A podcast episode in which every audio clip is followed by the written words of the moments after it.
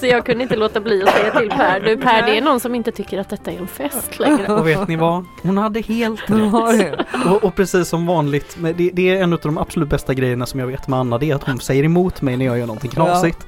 Och det behöver man ha runt sig när man ska Absolut. försöka vara ordförande. Ja, tycker jag. Men jag är ju också en sån som gillar när människor säger emot mig lite Ja. grann för då växer mina tankar. Man Ja. behöver ju Man behöver inte det. vara så rädd för det hela tiden. Nej. Det finns väl något sånt gott gammalt Marx-citat med att polemiken är det som gör att mänsklig utveckling går framåt. Mm, Det är något mm, sånt där. mm, Ja, mm, japp. mm. Man behöver inte vara otrevlig även om man har olika åsikter. Man kan Nej, ju så. liksom Nej men man får ju ha en hjärtlig ingång i Ja, det hela ja, men man kan precis. ändå få liksom säga men du hallå Ja. hur tänkte du nu? Ja, ja visst. Ja. Konstruktiv Ja. kritik Så heter det ja. heter det. Just det. Och, och, och, men, men du är ju inte här idag för att leverera konstruktiv kritik Anna. Nej. Det kanske det blir, det blir nog en del konstruktiv kritik också misstänker jag. Ja. Hoppas jag på om inte annat liksom. Mm. För vi har ju Anna Måland med oss idag Vivian. Mm, det Det var trevligt. Ja. Men, men vad, vad, vad, varför är du här då?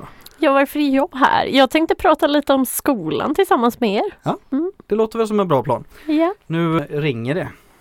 Vart var vi någonstans? Vi var i, vi backar lite Jo, grann. men jag vill veta lite mer om Anna Måland. Jag menar, vi ska prata om skolan Mm. och Mölndal Mm. och då sitter du kanske i skolnämnden. Jag sitter i skolnämnden.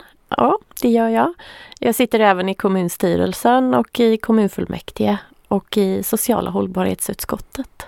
Du, du, du har lite stolar att sitta på helt enkelt. Så är det. Det är hela havet stormar med dig själv helt enkelt. Det Ja, superbra. ibland Ja, så det, får man samla ihop hela sig själv Ja, på det- en stol. det, det är tur när man har många personligheter så att man kan sätta en på varje stol. Mm. Liksom. Precis. Men då precis. borde du ha ganska ja, bra inflytande, manöverutrymme. Ja, Får man det tycker du i Mölndal? När man Eh. inte tillhör eh, den stora majoriteten? Det är ju lite, lite trögare att sitta i opposition såklart. Alltid. Att det är. Men samtidigt är väl det då också som man kan vara mest kreativ tänker jag och komma på många tankar. Mm.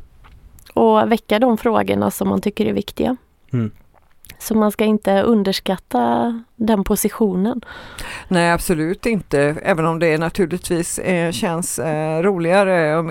På, ett sätt är det mer stimulerande att kunna vara med och bestämma men man kanske kan få andra som inte tycker, har samma tankar att komma på lite fundera lite annorlunda. Tycker du att det Precis. går bra? Ja men min ingång i det är väl lite grann att försöka väcka frågorna Mm. eh, och eh, liksom visa lite grann på engagemanget för olika målgrupper inom verksamheten eh, och belysa det. Mm. Nej, och det, det var väl en sån, en sån fråga som verkligen engagerar och det var väl någonstans också starten i, i att, vi, i att vi står här idag. Det var ju att jag fick ett mail nästan från dig. Fast. Nästan från mig. nästa, det- Mm. Du ska förklara vad jag menar.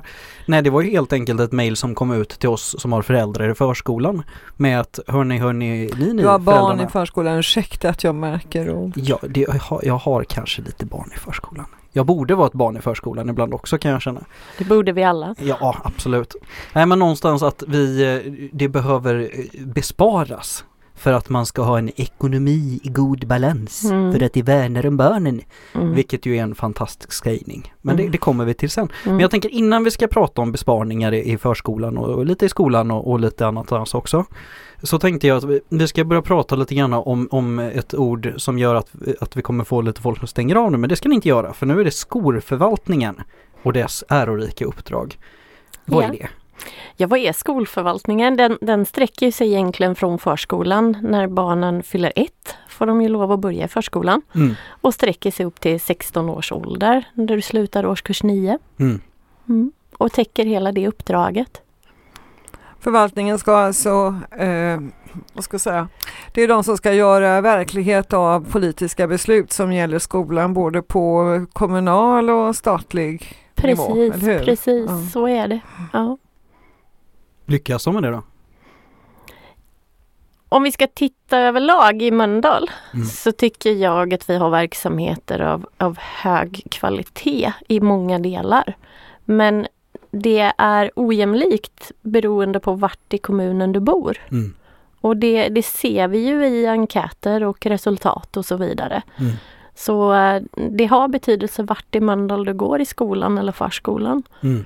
Kanske mer i skolan än i förskolan, eh, är min spaning på det hela i varje fall. Mm.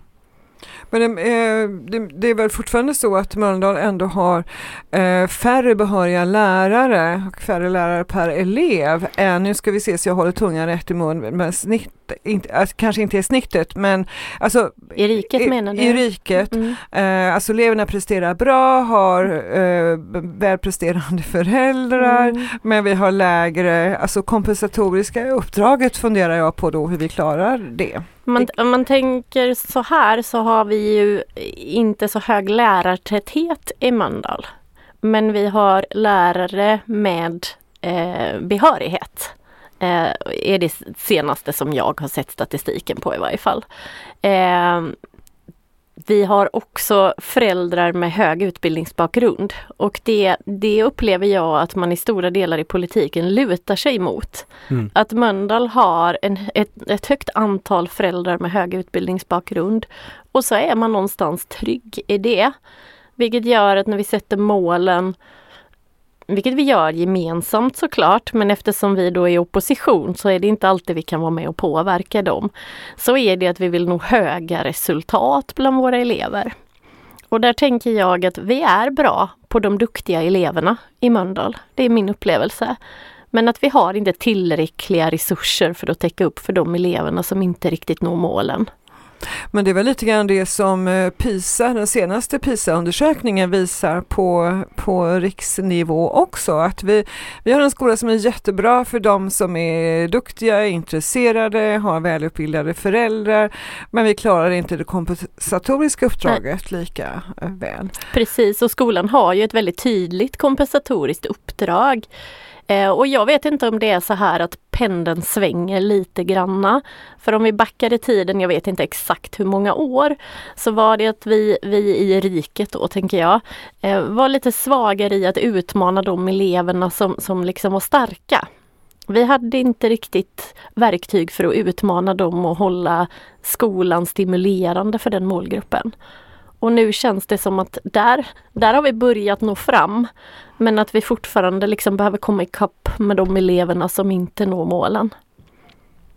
Mm. Och vi behöver ju tillgodose tidiga insatser för den målgruppen. Mm för att liksom kompensera det. Ja, ja, det finns väl varenda förskollärare, barnskötare på förskolan så, så kan man se väldigt tidigt vad, vilka, vilken hjälp som behövs. Mm. Eh, och det är naturligtvis jättefrustrerande att jobba med barn och se att man skulle behöva ge det ena och det andra och så får man inte göra det. Mm. Hur skulle du säga att skolan utvecklas?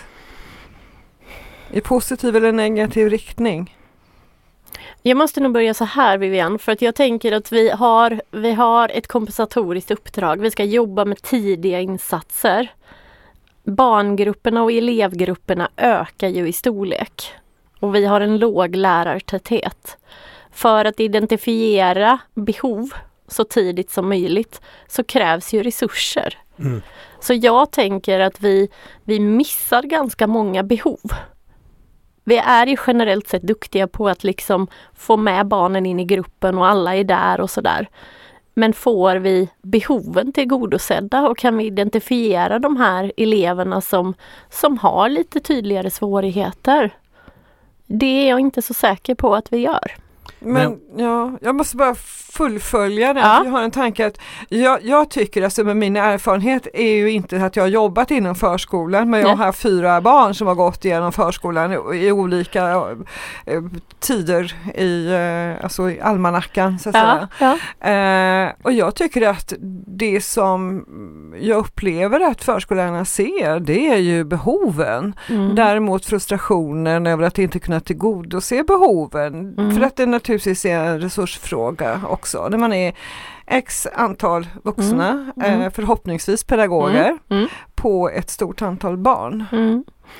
Eh, ja, jag tänker att man kanske kan eh, identifiera vissa behov, men vissa behov som, som blir tydligare senare i livet kan ju uppmärksammas om man har mer tid och mer utrymme. Och de behoven ser jag inte riktigt alltid blir tillgodosedda. Därmed inte sagt att lärarna gör ett, ett eh, dåligt arbete, utan jag ser det mer som att de räcker inte till. Nej för att kunna uppmärksamma och Mm. identifiera behoven i så god tid som möjligt. Nej. Vi ser ju att den problematiska skolfrånvaron kommer redan i förskolan nu för tiden. Tidigare så såg man ju den kanske mer ifrån årskurs 4 i mellanstadiet någonstans. Och nu är vi nere på förskolan och vad står det för? Mm. Mm. Nej och det är väl någonstans, nu är vi, tror jag vi är precis huvudet på spiken för att någonstans så har ju konflikten idag kommit att handla om att lärare inte klarar av att leverera och hej och hå. Man får Mm. en konflikt mellan liksom förskolepersonal och föräldrar och liksom Mm. Jag kan själv stå och vara frustrerad ibland liksom både, på, både när det kommer till liksom lärare och förskolelärare för hur det Mm. hanteras. Men det är ju egentligen inte individens fel eller lärarens fel utan det är ju en systemfråga. För någonstans, det handlar ju egentligen om, och där tycker jag är en, en, en åsikt och en inställning som jag tycker man möter varje gång man pratar med en lärare eller en förskollärare eller någon som jobbar i den här verksamheten. Mm.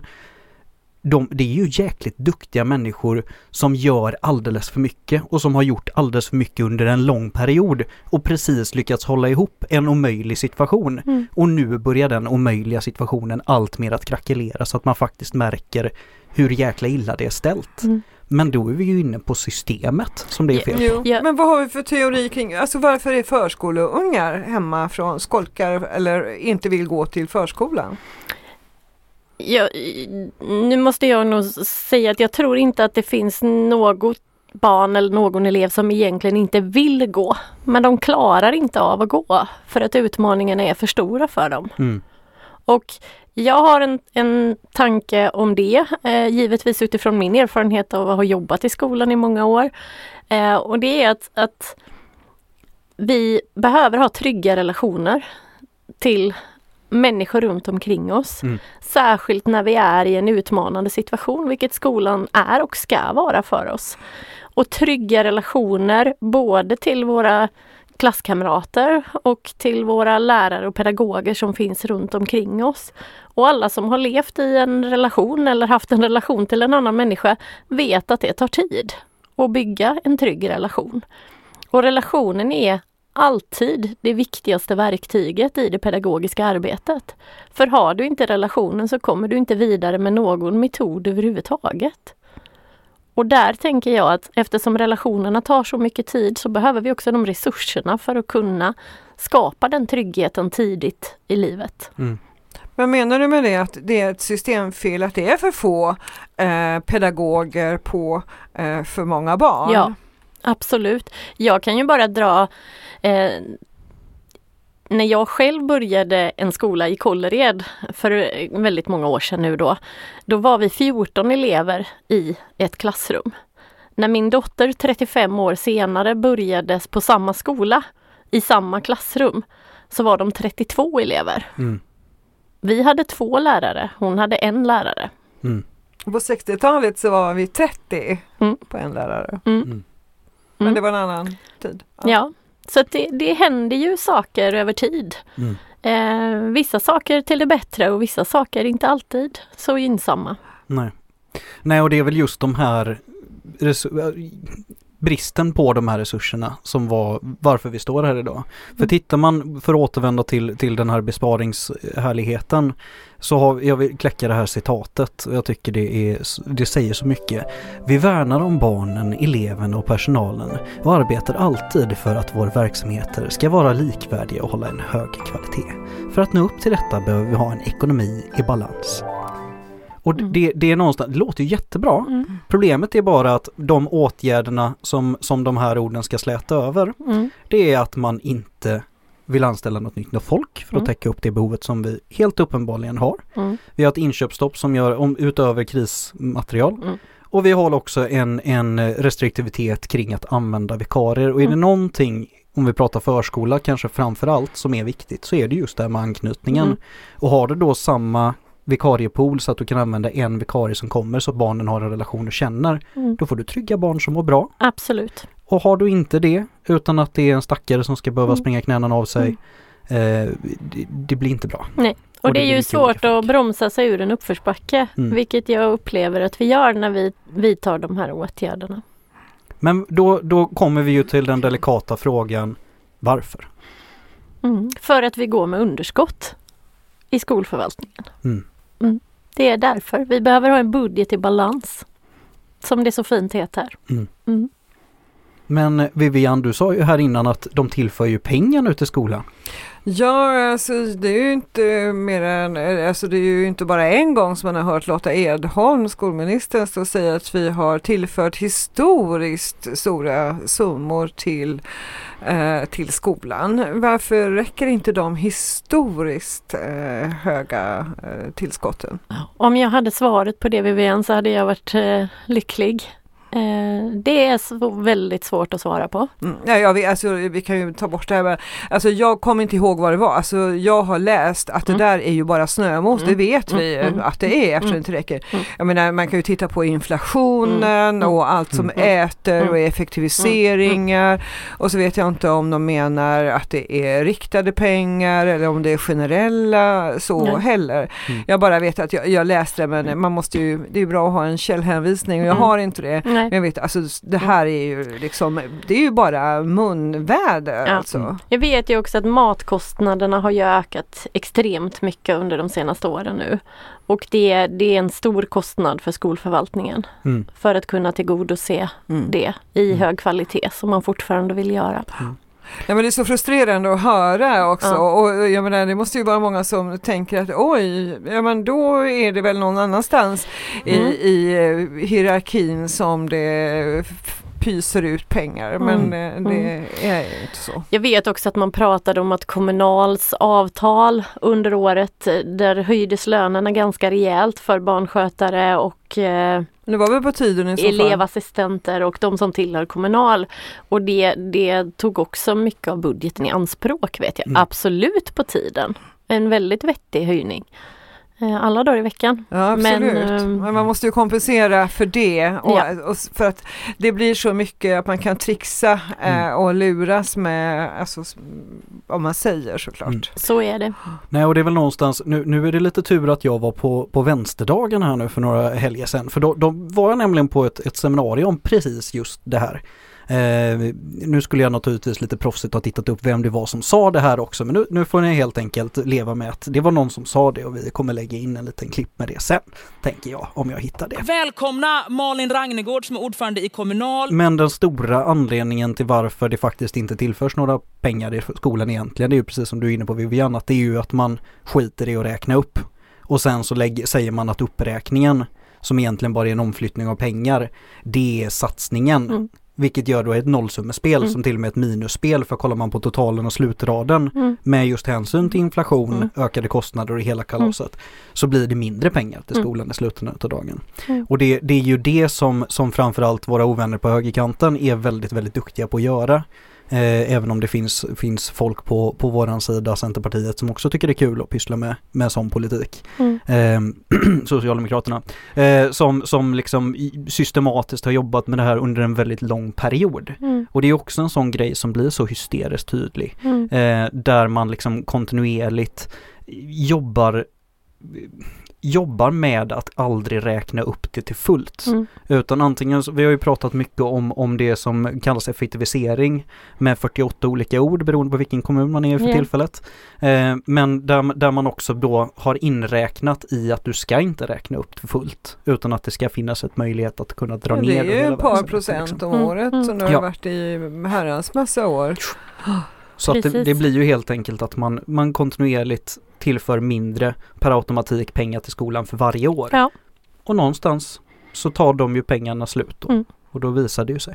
Precis. Men vad gör Vänsterpartiet i Mölndal och vad gör du då Anna för att det inte ska bli så här? Ja, vad gör vi? Vi kan ju inte annat än att, att liksom rösta emot de besluten som tas. Det är ju det vi kan göra i dagsläget. Sen kan vi lägga fram förslag och tankar och eh, försöka ha diskussioner tillsammans med majoriteten om vad det är vi ser. Mm. Jag tänker på, alltså, hur kommer det att märkas den här alltså, neddragningen? För, för det är ju det vi pratar om. Mm. Dels så var det att man inte skulle köpa någon material, Mm. men hur kommer det mer att märkas så explicit i ett klassrum eller på en förskola? och föräldrarna brukar ju vara de första som, eh, som brukar vända sig och säga och klaga på eh, att det är. Men Mm. eh, finns det en rörelse idag? Jag tror att där det kommer märkas tydligast det är sjuktalen för våra lärare och pedagoger. Mm. För att jag tror att de kommer att anstränga sig så som jag eh, känner lärare och pedagoger i allmänhet så, så viker man ut och in på sig själv för att eh, kompensera Mm. eh, det och anstränger sig för eleverna och barnens skull. Men eh, för att vi ska förstå eh, all, alla som inte har barn i skolan just nu Mm. eller på förskolan. Alltså vad är det som blir sämre? Man får inte köpa in något material. Vad är det för material? Är det Läroböcker, pennor, läroböcker? pennor, suddgummi.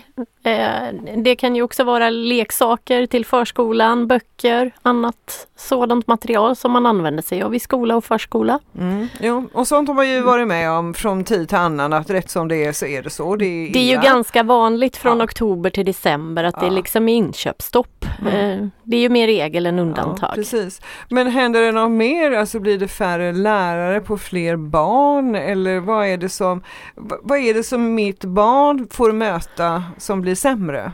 Förutom att de inte kanske får en helt ny eh, god penna eller något. Jag, jag förstår, jag förstår. Det, jag tänker att det tar lite tid innan det blir synligt i klassrummet. Just utifrån det som jag sa att, att jag tror att den psykiska ohälsan bland lärarna kommer att öka utifrån att man blir mer och mer pressad. Mm. Och det vi vet ju att eleverna behöver en stabilitet och en kontinuitet och ha samma personer där från dag till dag. Mm. För vi tappar mycket om vi ska ha in vikarier hela tiden. Ehm, Så det tror jag blir den mest markanta upplevelsen utav de här besparingsåtgärderna. Mm.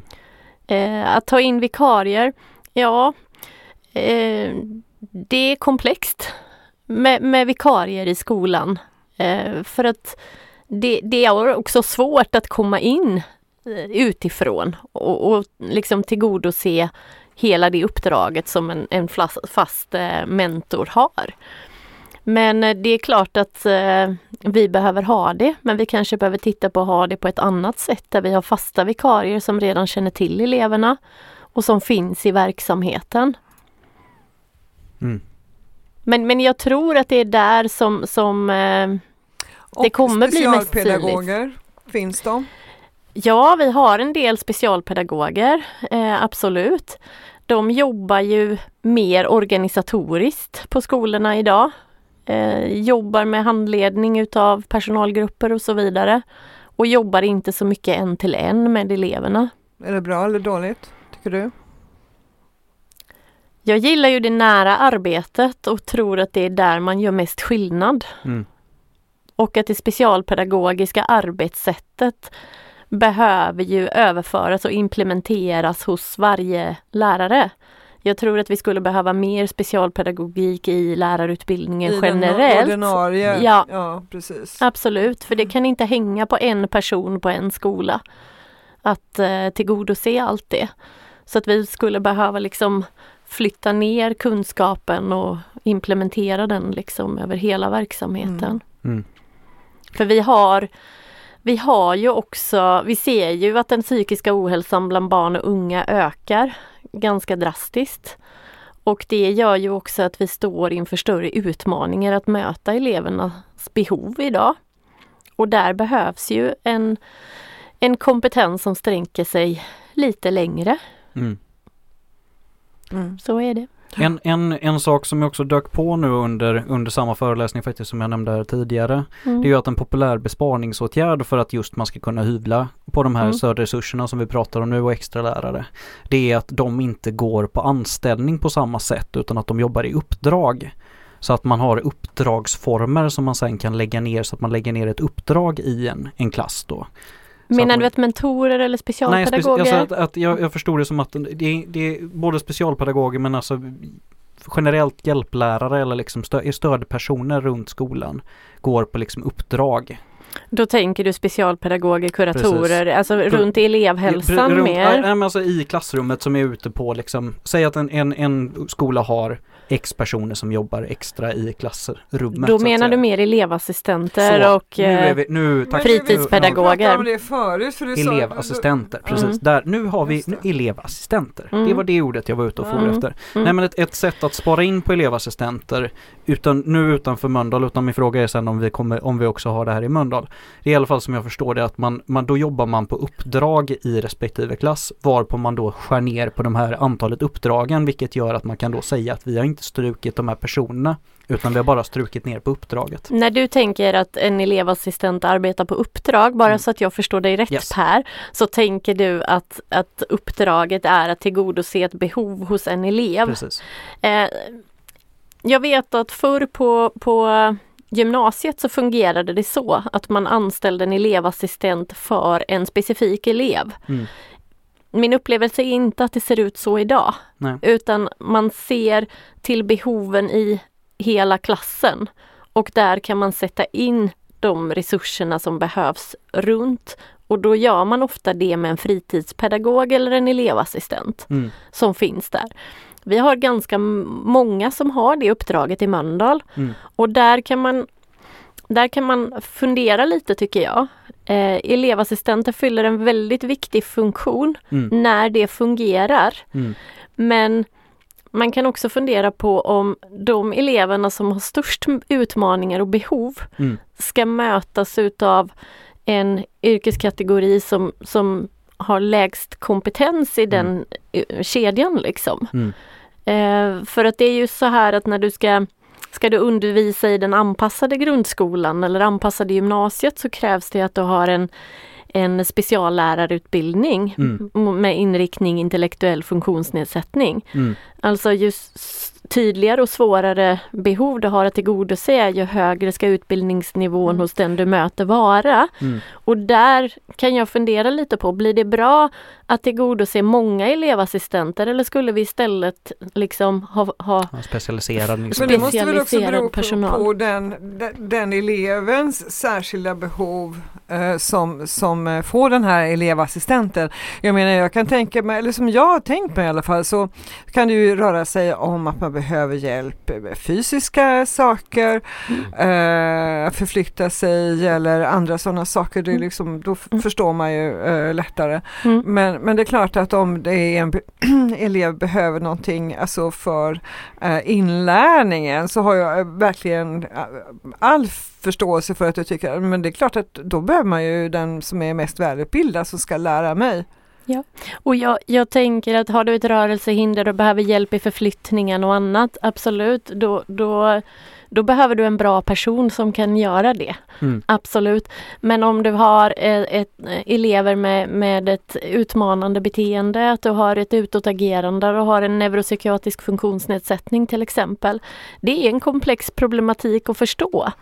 Och där tror jag att vi behöver skruva till det och se till så att det finns människor runt omkring som kan tillgodose rätt typ av insatser så tidigt som möjligt och Mm. också förstå det utifrån ett större perspektiv. Mm, Men finns det den Alltså för att, för, för att eh, som skolledare också kunna eh, se det här, alltså vi vet ju vad alla skolledare har taskigt med pengar, Mm. det är skitmånga elever, det är Mm. jätte över, eh, som super, alltså lärare som har jobbat övertid och anstränger sig för mycket. Mm. Alltså finns det här, alltså är det någonting som finns och fungerar i verkligheten? Alltså någon som kan se att "Åh, vi behöver faktiskt lite mer si och så. Alltså hur är det i Vi det behöver lite mer kompetens. Vi behöver lite mer kompetens Ja. tänker du.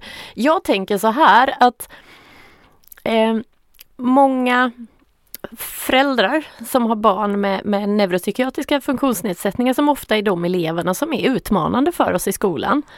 De, de strider hårt för att barnen ska få sina behov tillgodosedda. Och det kan skapa en liten rädsla hos en rektor tänker jag. Och då är man snabb med att tillgodose behoven i form utav elevassistenter eller fritidspedagoger så snabbt som möjligt. Och där tänker jag att jag skulle vilja att man gjorde en liten synvända för att liksom Det är viktigt att göra rätt saker. Mm. Gör vi rätt saker? Jag vet inte. Jag tror att vi skulle behöva skruva på den tanken lite grann Mm. och fundera på om vi kan göra annorlunda. För det är sårbart att tillgodose med elevassistenter som blir väldigt personbundna Mm. till elever som utmanar. Kan man jobba lite bredare och jobba lite tydligare och mer systematiskt, tänker jag, så Mm. skulle vi nu komma längre. En, en situation som jag tyckte var väldigt spännande när jag fick höra om den. Eh, det är ju att man i, som jag förstod det, på ganska många ställen på Gotland har två lärare Mm. i samma klassrum. Mm. Det, det låter ju i min bok som att det är en jäkligt bra grej. Mm. Eh, för då kan man just fånga upp och, och ännu tydligare se vad är det egentligen för behov som vi behöver tillgodose. Och Mm. därefter sätta in rätt åtgärd. Är Ja. det det som är en väg framåt eller är det? Jag tror att det finns både för och nackdelar med det. Mm. Jag jobbar ju själv i en verksamhet där det finns ett tvålärarsystem. Mm, Eh, det finns absolut stora fördelar med det för man är två personer i klassrummet. Eh, jag har själv gjort det i olika projekt där man kan se att man får lite olika roller och man kan ta lite olika roller Mm. till eleverna. Vilket gör att, att eh, hela, det blir en styrka i det. mm, För någon kan stå utanför och observera vad det är som händer och så antar den andra den mer agerande rollen i det hela. Och där växer väldigt mycket i Mm. det. Så absolut, det är, det är väl egentligen ganska naturligt. Vi har stora elevgrupper. mm. Det är inget konstigt att ha två lärare i Nej. de stora elevgrupperna. Det är nästintill nödvändigt skulle jag vilja påstå. Mm. Det kan vara någonting att, att satsa lite pengar på istället för att skära ner på pengar. Mm. Mm. kan man ha, ha lite fler. Då blir det ju, det, det, vet ni vad? Jättemärkligt. Men det blir ju en herrans massa jobb också. Ja. Det var, var en sån grej. Ja. Tänk, Ja. tänka sig. Ja, men det blir fler arbetstillfällen tänker det jag du för menar. lärare. Ja, nej men jag, jag, jag tänker också att det, det är väldigt svårt i de här besparingssituationerna att, eh, att, att gasa på lite, ha, ha Mm. modet att våga satsa lite mer. För vi lever ju hela tiden med snaran runt halsen på något vis liksom. Mm. Och då blir det lite brandsläckning vi håller på med Mm. hela tiden och det vet vi ju att vi gör ju inte så bra saker i kris. Nej. Men vi har väl alla läst om den här modiga rektorn. Jag tror att det var i Örebro, men jag är faktiskt inte hundra på det. Men det är bara några veckor sedan, tre veckor sedan kanske. Som fick eh, stora sparkrav från eh, politiken. Mm. Eh, och som vägrar utföra det för den säger jag kan, hon var det, Mm. eh, kan inte, då följer jag inte skollagen. Så det blir väldigt spännande att se vad som händer eh, med det. För det Mm. kommer naturligtvis att prövas eh, rättsligt. Men det är klart att eh, man kan inte tillgodose läroplan och andra alltså regler och lagsystem. Så det blir jättespännande. Vi behöver fler modiga rektorer Mm. tror jag. Absolut. Som också vågar säga ifrån. När inte skollagen följs. Mm. Ja, Mm. nej, in i bräschen kamrater så slåss vi för en Mm. bättre skola. Men du, vad, vad, nu, nu, nu har vi ju, eh, behöver vi lite struktur och ordning här, tycker jag. För nu har vi en jättetrevlig diskussion och då måste jag förstöra den. För det, det ingår i min upp, i uppdragsbeskrivning. Eh, i- och i mitt uppdrag. Vad vill vi egentligen? Hur vill vi ha det? Vad, vad, vad ska, hur ska vi göra i ordning detta? Mer resurser till skolan tror jag att det, det förstår alla som, som någonsin har lyssnat på en vänsterpartist eller sett oss på stan förstår att vi vill ha mer skole, resurser i skolan. Men, men på kort sikt, vad, vad är det för någonting vi vill göra och kanske då också vad är möjligt att göra nu? Ja, vad är möjligt? Eh, det är väldigt svårt att svara på utifrån den budgeten vi har, för det är ju Mm. den vi har att förhålla oss till. Men eh, för Vänsterpartiets räknings skull så vill vi ju absolut ha fler resurser Mm. till skolan där vi kan jobba med tidiga insatser och tillgodose de behoven som finns Mm, för att varje elev ska lyckas ta sig i mål mm. med godkända betyg i årskurs 9. Det var korta raka eh, besked. Ja på. men eh, ibland får man vara konkret. Ja, jag tycker det. Tycker det absolut. Nu var jag tvungen att titta här vad det var. Det var inte alls Örebro utan det var en eh, i Stugun i Jämtland som en, eh, en lärare vägrar att ta bort Mm. vissa resurser från en, en del elever som ju har fått de resurserna. Mm. Eh, men får direktiv att göra det. Och hon säger att det går inte så det ska bli jätteintressant. Mm. Detta är enligt Skolportalen. Ja, Mm. ja. Eh, så är det ju. En del eh, rektorer är ju modiga och överskrider sin budget ganska rejält. Det är ju en sak att förhålla sig till det privat och en sak att hålla, förhålla sig till det politiskt på ett sätt för vi har en budget och den ska hållas. Mm. Eh, då får vi jobba med andra medel, då får vi liksom tillföra pengar till budgeten på något sätt. Och Mm. där har ju vi Vänsterpartiet då önskat att vi ska få höja skatten Mm. Lite granna för att vi ska få till bättre resurser i skolan. Nej och det är någonstans att kostar det pengar så får man tillföra pengar. Ja, Det är någonstans, det är Ja. inte svårare än så. nej. Men ja, är det den kommunalskatten man ska höja då? ja. Det slår ju hårdast mot de som inte har så mycket. Och där har våran partikollega gjort en väldigt, väldigt bra uträkning i våran budget som vi har lagt nu. Mm. Eh, superpedagogiskt. Jo men det, det är ju så alltså på, på varje hundralapp så gör det ju mycket mer för en låginkomsttagare än det gör för en höginkomsttagare. Och nu vill jag ju inte svära i kyrkan som vänsterparti och säga att man aldrig kan höja kommunalskatten men jag menar ibland tycker jag vi gör det lite för lätt för oss Mm. genom att säga ja vi måste höja skatten. Ja. Vi kanske måste ta pengar någon annanstans ifrån. Ja. Alltså Ja. allting är ju då inte en kommunal fråga. Nej. Alltså naturligtvis, Nej. utan det, det måste till andra eh, pengar. Ja. Och då tänker jag på den utredningen, ja, det är ju Ja. inte klokt att man, eh, att man eh, inte sänkte gränsen för när man tar ut statlig skatt. Ja. För det är, ju Ja. det, det är ju där som det finns pengar Mm. att Mm. hämta, Mm. så, som inte går på någon som... Joakim har har i varje fall gjort en väldigt tydlig uträkning där han har gjort en uträkning på, jag tror att det var en inkomst på 25 000 i månaden, en på 50 och en som ett kommunalråd Mm. eller riksdagspolitiker tjänar. Och när vi tittade på summorna i det så var det inte så stor skillnad.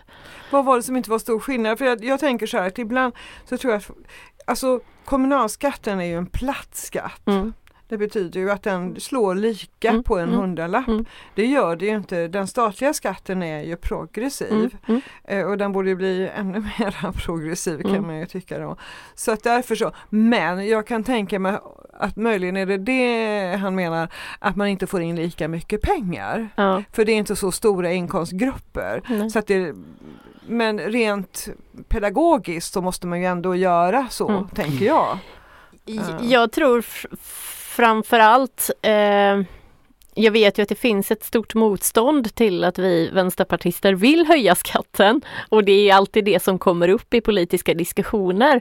Och jag tänker någonstans att man kanske behöver också se över det, hur vi tänker kring det. Och där tror jag att det är viktigt att vi ser över och gör rätt saker för de pengarna vi har.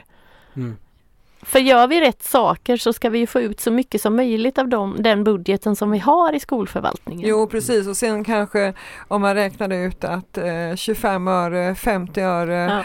alltså vad gör det på en månad? Mm. Det kanske inte är så. Nej. Men det är mera det att, att vi direkt säger det, för det är alltid det vi får så mycket eh, Mm. alltså skäll för. Mm. Ja men ni kan bara höja skatten. Mm. Nej vi Mm. kan göra andra saker också Mm. såklart. Mm. Eh, och, Mm. och vara effektiva, göra rätt saker som alla säger att man eh, så.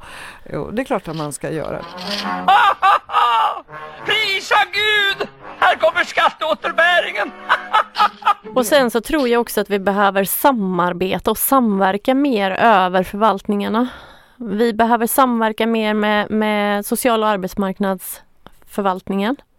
Vi behöver samverka mer med kultur och fritid. Vi ska inte ha de här stuprören emellan förvaltningarna för våra barn och unga, de finns i alla de leden. Mm. Och där behöver vi kunna jobba med, med den tvärprofessionella insatsen för att skapa så förebyggande och tidiga insatser som möjligt runt våra elever.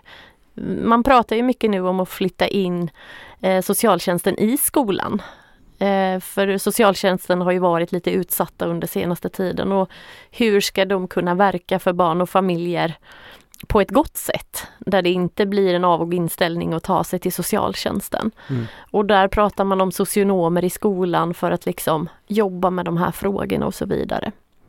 Och det tror jag är en, en väldigt framkomlig väg. Men vilken roll skulle de få då? Inte socialsekreterare utan de skulle vara allmänna kuratorer. De är oftast ju socionomer de också. Så, så är det, men kanske med den kompetensen och socialtjänstens ögon kunna jobba i skolan för att synliggöra olika komplexa behov och sådana utmaningar som skolan står i. Mm. Varifrån kommer tankarna? Jag tänker att det, det, är, är lite, spännande men Ja. jag har aldrig hört det förut så därför så Jag tänker att det är lite som familjecentralerna arbetar. Lite grann att, vi, att, vi, att, vi, att man ska vara tillgänglig på ett annat sätt och finnas där där barn och elever finns med den kompetensen. Och där tänker jag också att kultur och fritid har en stor del att finnas där där barnen finns. För att skapa meningsfulla fritidsaktiviteter och locka till dem.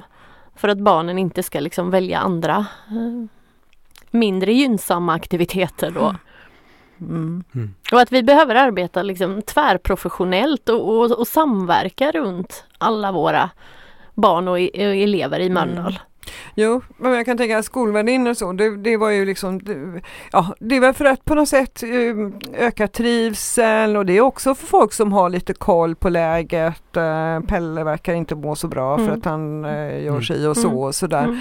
Och det är en sak, men det är en annan sak när det är en, en sorts, kan bli en myndighetsutövning. Mm. Jag Alltså tänker- skolan har ju också skollagen att Ja, följa förstås. jag tänker att huvudfokus kanske inte är myndighetsutövning ut i det, men jag tänker också att, att utmaningarna med de elever vi möter idag kontra de eleverna vi mötte förr är lite mer utmanande. Och att det kanske krävs en högre kompetens för att eh, stå inför de utmaningarna. Mm. Förr eh, kunde jag nog uppleva att det räckte mycket med att vara en trygg vuxen som fanns där. Idag krävs det lite mer. Mm.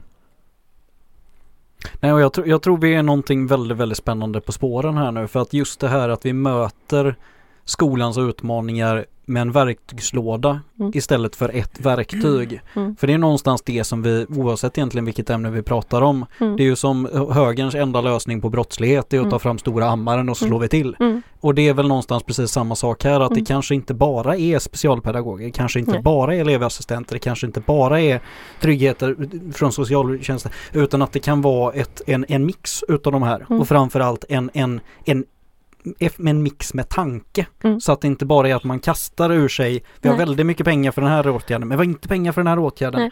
Utan att man just gör en, Mm. en värdering. Och där hoppas jag att Vänsterpartiet kan Mm. vara en, en sansad röst. Absolut, jag, jag tänker att det, det tvärprofessionella höjer ju liksom nivån på Mm. insatserna och det vi kan möta. Och det, det tänker jag har ett stort värde i skolan idag. Mm. Eh, för vi får inte glömma bort att eh, barnen utmanar oss mer idag än vad de gjorde förr. Mm. En boll som jag måste plocka upp Mm. eh, och som jag faktiskt också dök på när jag satt och pratade med just en lärare eh, under vänsterdagarna om de här frågorna. Eh, det var ju den här samverkan mellan fack, mellan arbetsliv, mellan de grupperna som jobbar i skolan och oss inom politiken. Mm. Så det blir en jättesvår fråga att svara på men hur, ligger, hur är vårat samröre med, liksom, med, med golvet om man säger så? Ja men de, de fackliga sitter ju oftast med på våra nämndmöten. Mm, och eh, tar del utav allting som sägs där. mm, Eh, kan föra det vidare till eh, verksamheten och kan ibland också komma in med frågor eller tankar ifrån golvet. Mm. mm. Så det, det gör de absolut. Nej för det är också någonstans en, en viktig grej när vi pratar om, om vad ska vi göra att just verkligen öppna upp oss och vara, vara den självklara rösten för de som Mm. faktiskt jobbar i verksamheten och jobba aktivt med att, att just vara det. Sen tycker jag ju också att det ligger på oss som, som folkvalda politiker att vara lyhörda för vår omgivning och de som vi faktiskt sitter där för. Mm, Eh, och lyssna in. mm, Hur, hur ser det ut på skolorna? Både i, utifrån ett elevperspektiv, ett föräldraperspektiv och personalperspektiv. mm. Verkligen, verkligen. Och vara lyhörd och nyfiken och, och faktiskt engagera sig i de frågorna. Mm. Och där har vi ju mycket i skolnämnden att vi har eh, möten Mm. tillsammans med rektorer och lärare på skolorna. Eh, för, för att liksom få lite insyn i hur det ser ut där också då. Mm. Och nu är du inne på den, den saken som jag tänkte att vi skulle knyta ihop säcken med här nu om det inte är någon av damerna som, som kommer på någonting väldigt viktigt att säga. Så här i alldeles i slutet om vi inte har pratat om det är skönt. Då, då, för då tänker jag så här att en av de största och viktigaste grejerna som vi kan göra både från skolan och vi som försöker hjälpa skolan så gott det går, det är att prata om det. Ja. Och, och föra det politiska samtalet, inte bara i poddformat utan på alla möjliga fronter Mm. och hela tiden. Och uppmärksamma och liksom visa vad det egentligen som pågår Mm. och att det inte alls beror på att läraren är någon dummerjöns utan det är att läraren kämpar för sitt liv i brinnande motvind med, med tre hajar i vattnet Mm. och då får vi försöka få bort de här hajarna och, Mm. och hjälpa till med en gummiflotte och, och liksom Mm. lösa situationen Mm. istället. Och det behöver ju börja uppifrån. Så vi får Eller underifrån. Ja, nej, Ja. jag, Jag tänker, tänker jag. att, jag tänker att underifrån om man tittar på varje lärare gör absolut så gott de kan hela tiden. Men de behöver ju också få rätt förutsättningar för att kunna lösa sina uppdrag. Mm. Mm. Och där, det, det är där jag menar att vi måste börja uppifrån och liksom, gör vi rätt saker? Eh, kan vi göra någonting annorlunda för att få våra resurser till att räcka till på ett bättre Eller sätt? så kan ju lärarna också vara med och veta, alltså, de vet väl också om man gör rätt saker Ja. eller inte, tänker jag. Jo, eh, så är det. Nej men jag, jag känner att någonstans nu, nu för att lyfta det i någonting konkret, för det har jag också under den här vänsterdagen lärt mig att det ska man göra Ja. om man vill få med sig folk. Vad kan man göra nu då om man tycker att det här var ju inget bra? Och så blir man lite eh, full i, i fan på, på att det här var inget käckt. Då kan man faktiskt skicka ett mail. Mm. För det säger den här Pelle Butten som jag citerade innan att om man inte tycker det här är bra så kan man skicka till kontakt mondal.se. Det kan man göra även om man inte bor i Mölndal. Kontakt mondal.se kan man säga det att hör ni vet det vad? Det här var inget bra. Mm. Och det är då vi kan göra en förändring. Ja. Ja, då kanske man ska skriva lite mer än att det inte var något bra, Ja, eller ja. hur? Man får utveckla lite. Ja. Eh, så att man kanske återkommer och säger vad gör ni åt det? Så Ja. intelligenta lyssnare Eh, tänker jag att vi har. Vi, du tror det? Om, man lyssnar, Mm. om man lyssnar så här långt på den här podden så är Mm. man, då då är man med. Jo fast jag tänker så här, alltså, ibland så kan man tänka att det krävs så himla mycket så att jag tycker det är rätt eh, alltså inställning att säga, man kan bara säga att man, att man tycker att det inte är bra. Mm. Eh, för man behöver ju inte heller göra någon doktorsavhandling men bara det att man Absolut bes- inte. beskriver vad är det som jag inte tycker funkar. Mm. Eh, Vet ni vad? vet då, gör, då gör vi det så här. Då, då hjälps vi åt Mm. med att författa en väldigt kort liten text. Eh, och jag kommer även lägga den här mejladressen i avsnittsbeskrivningen. Så Absolut. klickar du på avsnittsbeskrivningen så kommer du ha en grej som du kan copy-pasta och så copy-pastar du in, in eh, klickar in, in mejlen då och sen skickar du denna lilla text och så får, du, får de här kära människorna en herrans massa texter som säger att nu får ni ta tag i detta. Mm. Tycker jag är bra. mm. Mm. Och, och någonting som jag mer tycker är bra, det är ju faktiskt du Anna. Och du Tack också själv. Vivian måste jag säga. Så, och det har varit otroligt trevligt att stå här inne. Men nu, nu börjar värmen ta slut i min lilla Ja, studio. Ja. Så att jag tänker att nu, nu lägger vi ner det här för Ja. idag. Så tar vi Ja. det en annan dag också. Ja. Tack bra. tack för idag. Tack. Att sakta paddla ner för Mölndalsån Dröja lite lyssnande till vattnets klunk Glida under pilarna vid bil och produceras av Hakuna Matata Produktion. Go!